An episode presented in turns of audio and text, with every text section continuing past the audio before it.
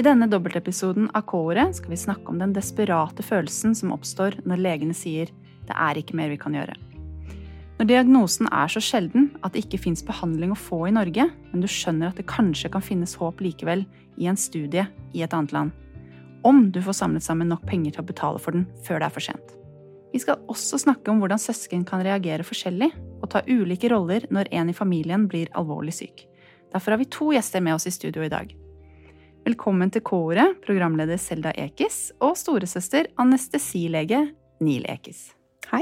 Hei, hei. Vi skal snakke om mammaen deres, eh, Gulistan, eh, som døde høsten 2022, 66 år gammel.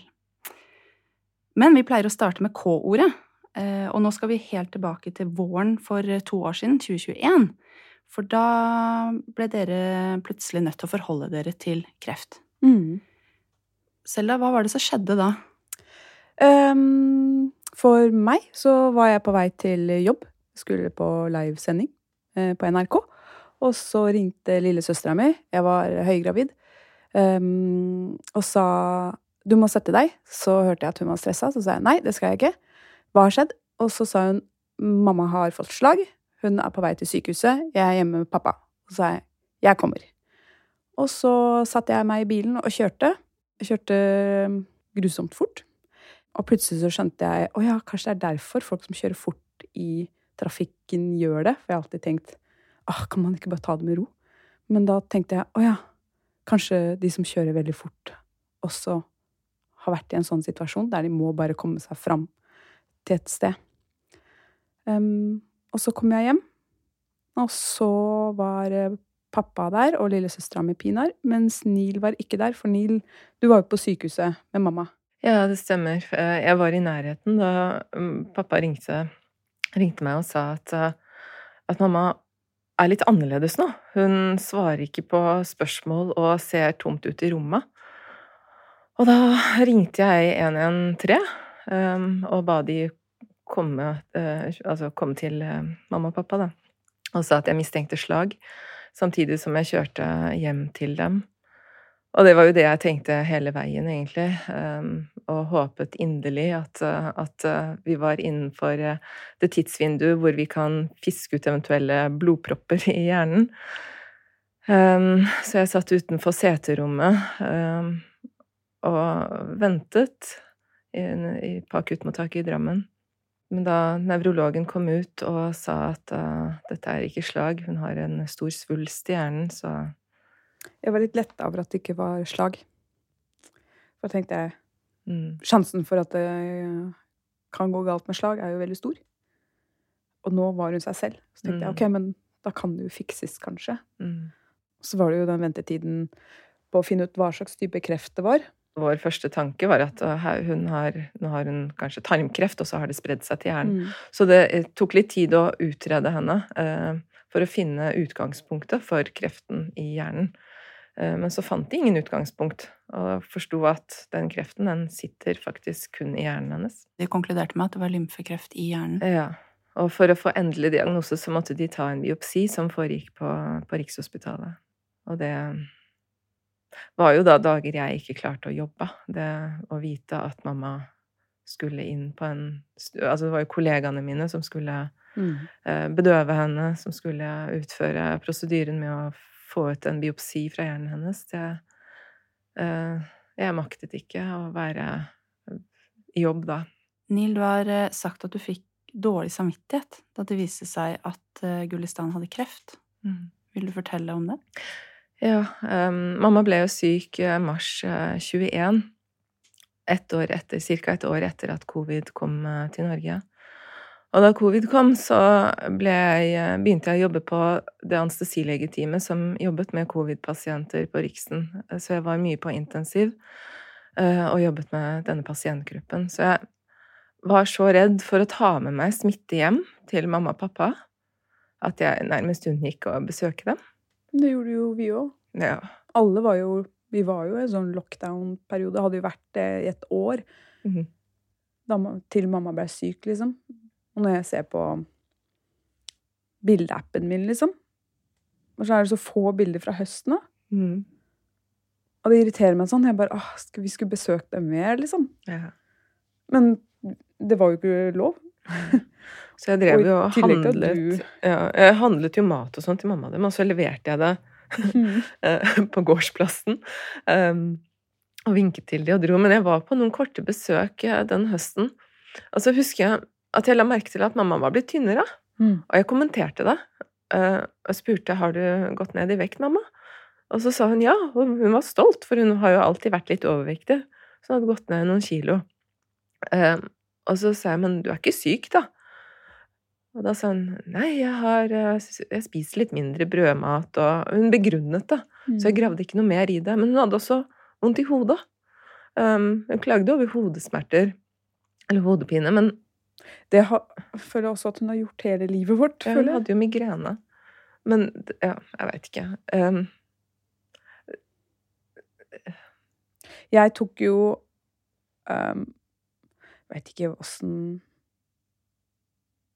Altså, det er vanskelig å være en mamma, ass. Man har jo vondter her og der. mhm. Og mamma hadde liksom alltid, Hun hadde alltid en eller annen ting hun klagde på. Og jeg var i hvert fall litt sånn Å ja, men du har alltid vondt i huet, liksom. Ja ja, du har alltid vondt i knærne. Mm. Eller ja, du har alltid vondt i ryggen, liksom. Ja ja, skal vi snakke om noe annet enn at du har det vondt? Mm. Som eh, Ja. eh, også for min del i hvert fall var en grunn til at Mhm. jeg ikke tenkte på at det var noe uvanlig, da. Mm. Mens du har jo en Du følger, følger med på den Det var noe som kilte magefølelsen Ja. da. Det var det. Og jeg spurte henne litt sånn spesifikt også har du vondt i hodet når du våkner på morgenen. Mm. Uh, for jeg, jeg tenkte faktisk om det kunne være noe i hodet hennes. Har du, er du kvalm når du våkner på morgenen? Jeg tenkte litt sånn typiske hjernesvulstsymptomer, men hun avkreftet det. Men hvis du hadde bare Ok, men jeg tar og fikser en MR-time til henne bare for å Mm. sjekke, liksom. Kunne man gjort noe annerledes? Jeg tror ikke det. Og jeg har snakket med, har snakket med um, onkologene på Altså kreftlegene hennes på, på radium Mm. og spurt, og de sier jo at dette her er en såpass aggressiv variant at at uh, det, var, det hadde vært umulig å fange det så veldig mye før. Tidligere. Ja. Men jeg vet ikke om de sier det for å trøste meg. Nei, jeg tror de hadde vært ganske ærlige. Altså, Mhm. De hadde nok ikke sagt det Ja, hadde du fulgt litt bedre med i timen, så hadde det der mora di levd. Liksom. Men selvfølgelig hadde de ikke sagt det. Men jeg tror de eh, hadde nok vært ærlige på at jo, eh, dette er en krefttype som klarer man å fange den opp veldig tidlig, så Mm. man, hadde man hatt en helt annen prognose. Ja. Den dårlige samvittigheten, Nill, er den fortsatt noe du tenker på, eller har du klart å liksom prosessere det? Jeg har eh, prosessert mesteparten, men innimellom så kommer det noen prikker i magen. Men sånn er det. Jeg tror jeg bare er eh, litt sånn anlagt, kanskje. Hvordan syns du det er selv å høre at Neil har liksom gått med, de, med den dårlige samvittigheten? Um, det har jeg visst.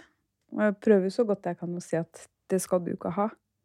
Men jeg skjønner at du har det, for du har den jobben du har. Eh, Du har det omsorgsgenet og behovet og evnen. Og selv om mamma var mammaen vår, så var hun jo også eh, samtidig noen vi følte vi måtte ha litt omsorg for òg. Som jeg skjønner at det er litt vanskelig. At, man, at det er ikke bare å Å, ikke tenk på det, liksom. Men eh, kan dere fortelle litt mer om mammaen deres, så vi blir litt bedre kjent med henne? Hvordan var hun? Mamma, hun var veldig livsglad. Og sinna. var- Og sinna kunne hun bli, ja. Eh, hun var veldig nysgjerrig.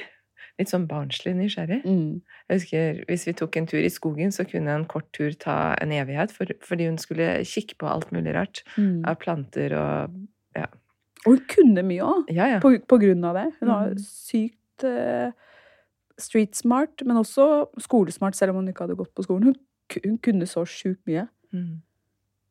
Og ja, som du sier, da, kunne hun plukke opp ting og se på ting, og jeg var sånn Kom an! Mm. Hun var eh, ja, livsglad. Morsom. Kjempemorsom. Tøysete. Mm. Ikke sånn selvhøytidelig i det hele tatt. Og veldig tøff. Litt sånn uredd. Mm. Nei, det er ikke noe problem. Bare snakker og spør om å få bla, bla.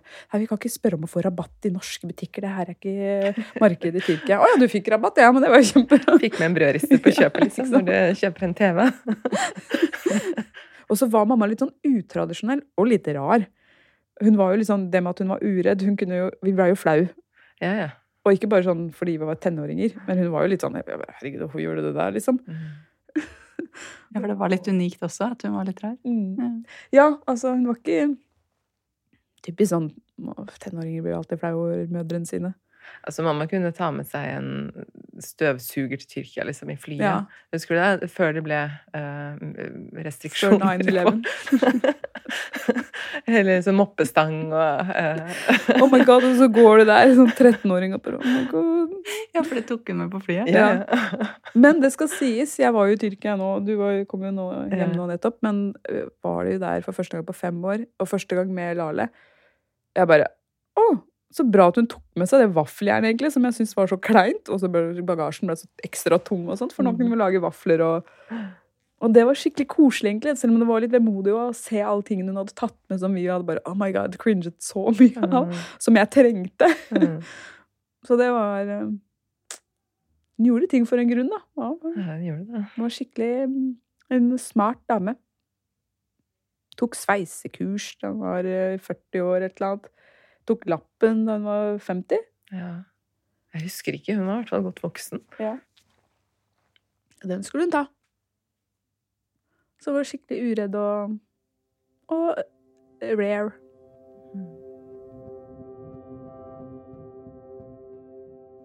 Dere er jo tre søstre. Eh, og jeg vet at lillesøsteren deres, eh, Pinar, har vært like mye til stede gjennom eh, Gullestans sykdom som dere. Mm.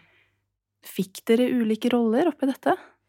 Ja, det blei litt sånn automatisk, for jeg fødte en unge to måneder etter at mamma var sjuk. Ja, du var jo høygravid da mamma ble syk.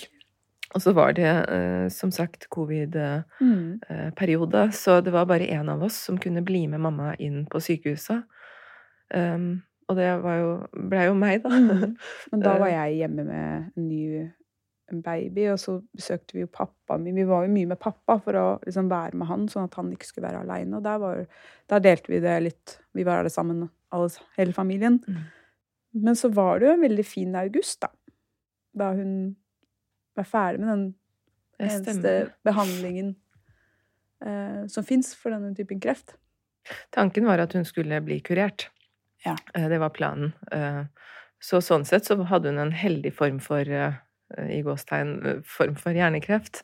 For der var det planer om at eh, dette kan hun bli frisk av.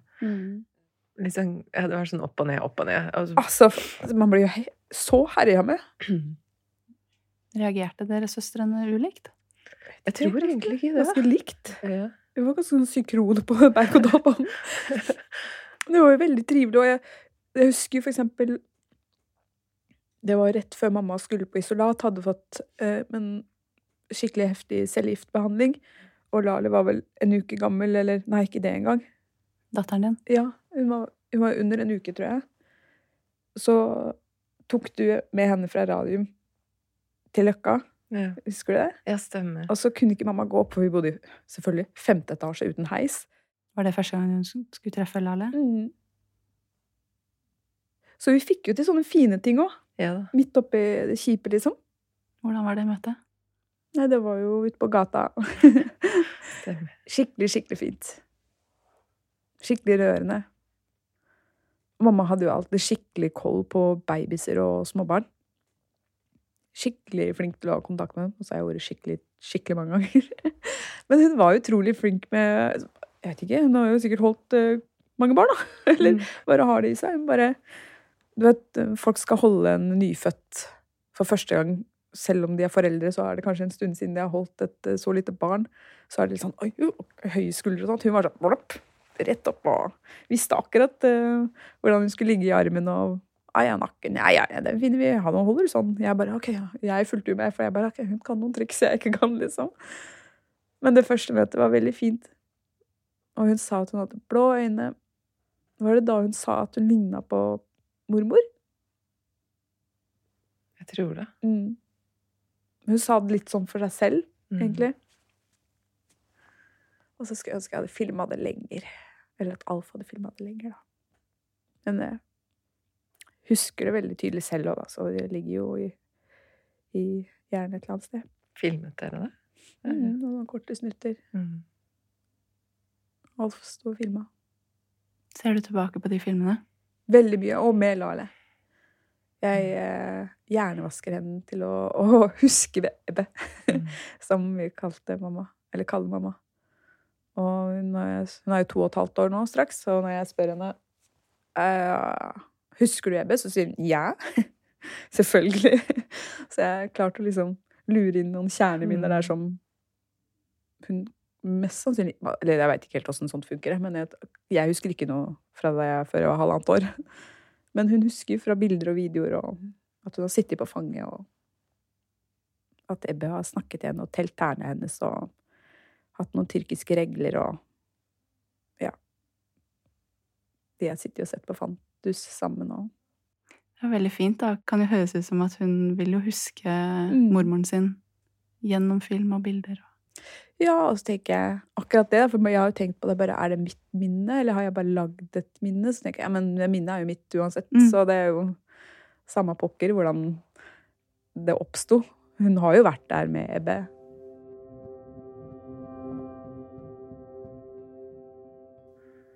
Og august var veldig bra, Ja. for da var det jo varmt i været, Norge. Eh, og vi trodde jo at det, Hva heter det når legen sa at det liksom At det er i remisjon. Remisjon. Uh, At det ikke var synlig kreft på, på MR-bildene. Ja. I mine øyne frisk. Men, ja, og det Og sa mammas. mamma også. Ja. Hun bare 'Jeg Jeg er er frisk frisk. nå'. Ja. Og jeg tror hun følte seg skikkelig frisk òg. Mm. Og bare det at hun hadde takla Altså, det var en heftig behandling hun fikk. Det er ikke bare bare å få litt cellegift og litt eh, stamcelletransplantasjon, liksom. Det var ko-ko opplegg. Og at hun holdt ut. Eh, all kred til henne, ass. Hvordan var det å se henne gå gjennom det? Det, var, det var jo forbundet med håp. Eh, Og hun Så- var veldig positiv. hun, mamma var positiv hele veien. Um, så, så det, det var eh, Når håpet var der, så var det Dette skal vi klare. Ja. Liksom, da var det ok. Men vi hadde jo også et Eller nå snakker jeg, sier jeg vi, men jeg tror jeg kan snakke for alle oss. Vi hadde, hadde et veldig sånn stort behov for å passe på henne, for hun hadde jo ikke gått på skole. Um, snakka tålelig bra norsk, men snakka bedre tyrkisk. mm, Vi hadde et behov for å passe på henne som om hun var barnet vårt, liksom. Ja. er mammaen vår. ja. Jeg tror de fleste eh, barn av minoritetsforeldre eh, som ikke er vokst opp i Norge, eh, kjenner på den følelsen av at man har vært voksen fra de var ganske små. Man har tatt en litt sånn Å ja, men det er du som kan norsk. Da kan du ta og ringe. Kan ikke du lese dette brevet her? Kan ikke du skrive et svar til kommunen? Mm. Kan ikke du? Kan ikke du? Kan ikke du? Og Så sier du ja, ja, selvfølgelig. Du snakker jo kjempedårlig norsk. Det er flaut hvis du har tatt kontakt med kommunen. Jeg lar meg gjøre det. Man gjør det for foreldrene sine. Man gjør det for foreldrene sine. Og så får man kanskje litt for tidlig en veldig sånn voksen rolle, og en slags, slags omvendt rolle, da. Der man ikke bare er den som skal motta omsorg, men også blir den som gir omsorg. Så, mm, ikke nødvendigvis er så veldig dumt, men eh, man får kanskje litt for mye ansvar litt for tidlig. Og det tror jeg også da preger eh, barna, som er i en situasjon der de er pårørende. Nil, du som fulgte Gullstrand tett eh, på mm. sykehuset, Mm. og liksom eh, observerte det møtet mellom Gulistan og helsepersonell og masse informasjon som skulle gis. Ja. Merka du på noen måte at, eh, at Gulistan hadde et annet morsmål? Og, ja, hvordan merka du den eh, Hvordan var den opplevelsen? Ja, um, I starten, når eh, mamma var mer med, så merket jeg jo at hun ble litt fjern når det ble veldig mye informasjon. Og så kunne hun kanskje si ja uh, og late som hun forsto, selv om hun kanskje ikke hadde fått det med seg.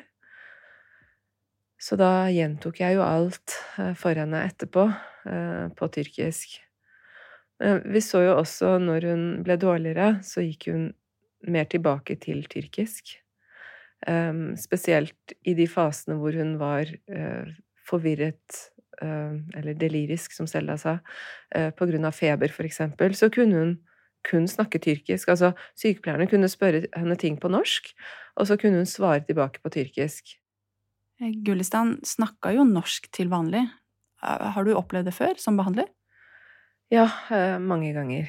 Eh, jeg jobber som sagt på intensivavdelingen, og der har vi jo eh, pasienter med ulike nasjonaliteter. Og vi ser at spesielt når de våkner opp fra koma, for eksempel, når vi vekker de opp, så har de vanskeligheter med å forstå norsk. om de har polsk bakgrunn, eller pakistansk bakgrunn, eller tyrkisk bakgrunn, så er det gjerne morsmålet de forstår.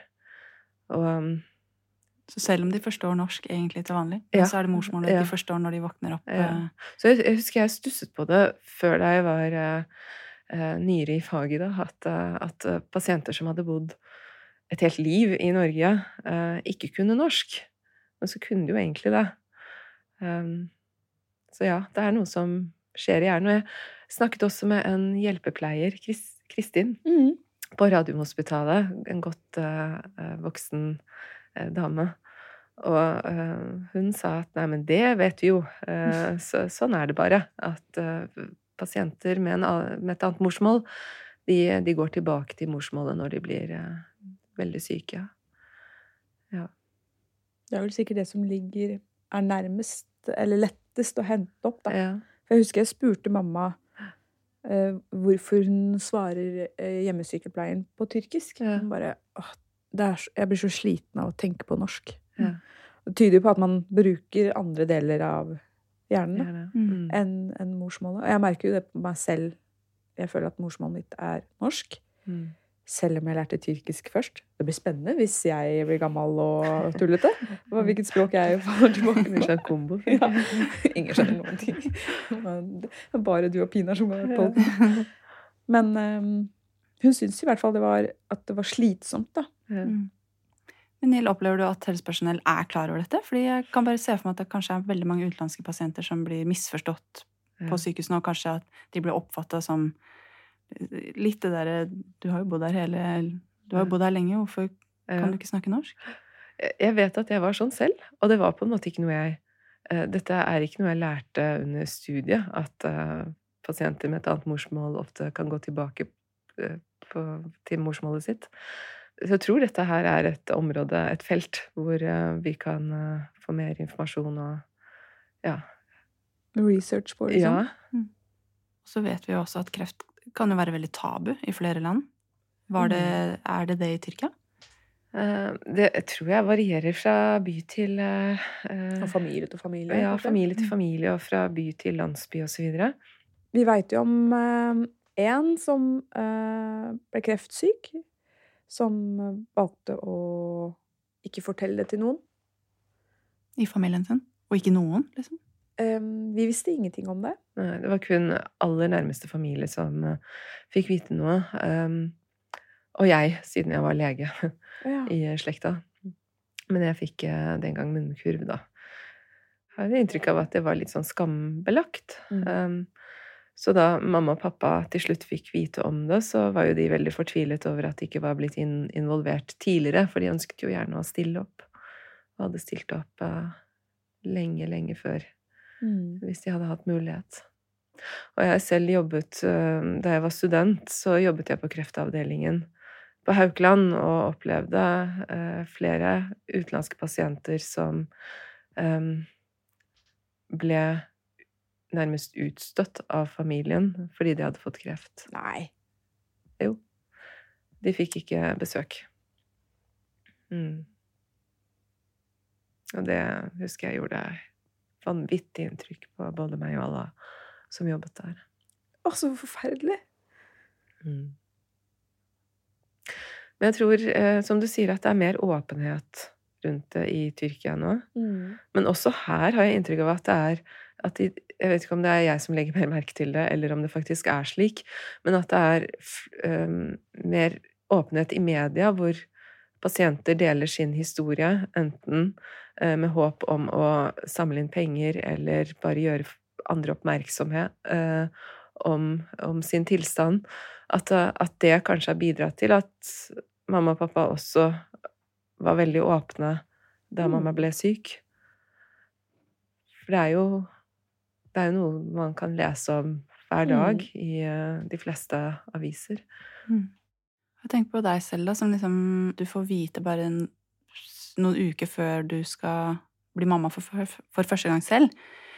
Eh, da står du altså oppi og nettopp får vite at mammaen din eh, har hjernekreft, og så skal du bli mamma selv.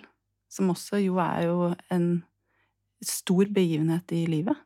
Hvordan mm. var det liksom Hvordan var det å sjonglere de følelsene der? Jeg føler jeg glemte litt at jeg var gravid. Uh, ja, jeg er gravid, men mamma har kreft i huet, liksom. Uh, det er ikke meg som det er synd på, og jeg, jeg, kan slappe av, liksom. Så jeg tenkte ikke så veldig mye på at uh, jeg hadde en baby i magen som skulle komme ut om noen uker. Mm. Og så rote seg ned etter et par uker, når vi fant ut hva slags type kreft det var, og at det var en behandling. Så da kan jeg begynne å ruge igjen. Og jeg var veldig glad for at, uh, at det ikke var slag, for da fikk mamma møte henne. Og at mamma var seg selv så kjapt etterpå, det, da var jeg sånn OK, men da kan hun jo møte babyen. Og så fikk hun jo det. Mm.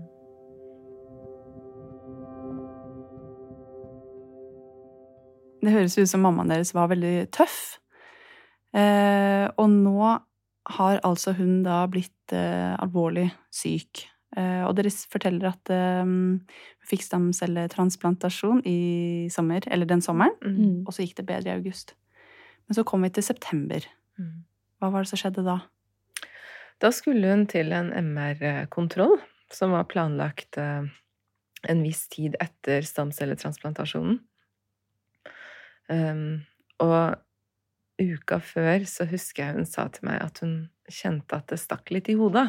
I tinningene. Mm. Og da kom min dårlige magefølelse fram igjen. Um, så med en gang hun tok uh, MR-bildene, så ringte jeg til min kollega, uh, nevrokirurg på Rikshospitalet, og ba han se på disse bildene uh, med en gang.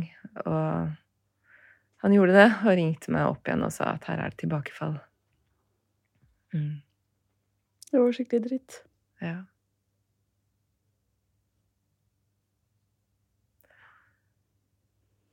Og da kjørte Pinar, som jobber som bibliotekar på Diakonhjemmet, og jeg hjem til uh, mamma og pappa. Og så Jeg husker ikke om du var der selv, da, men uh, Hva var det? Jeg var enten hjemme med Lal eller uh, var på jobb. Nei, jeg hadde begynt å jobbe allerede. Pinar gikk inn og fortalte mamma det.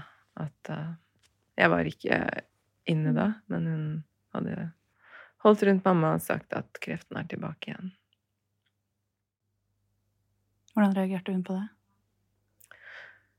Jeg tror hun sa ja vel. Mm. Veldig rolig. Ja, hun hadde vært veldig rolig. Eller det var hun hele veien, egentlig. Veldig rolig. Ja. Når hun var seg selv. Mm. Og så skulle jeg kjøre Pinar hjem. Hun bor også i Sande, der mamma og pappa bor. Og så sa jeg i bilen at uh, dette her må vi finne ut av, Pinar. Mm. Vi må finne ut om det fins noe muligheter for mamma. Du hører en dobbeltepisode av K-ordet. Dette var første del. Du kan høre andre del allerede nå, der du hører podkast.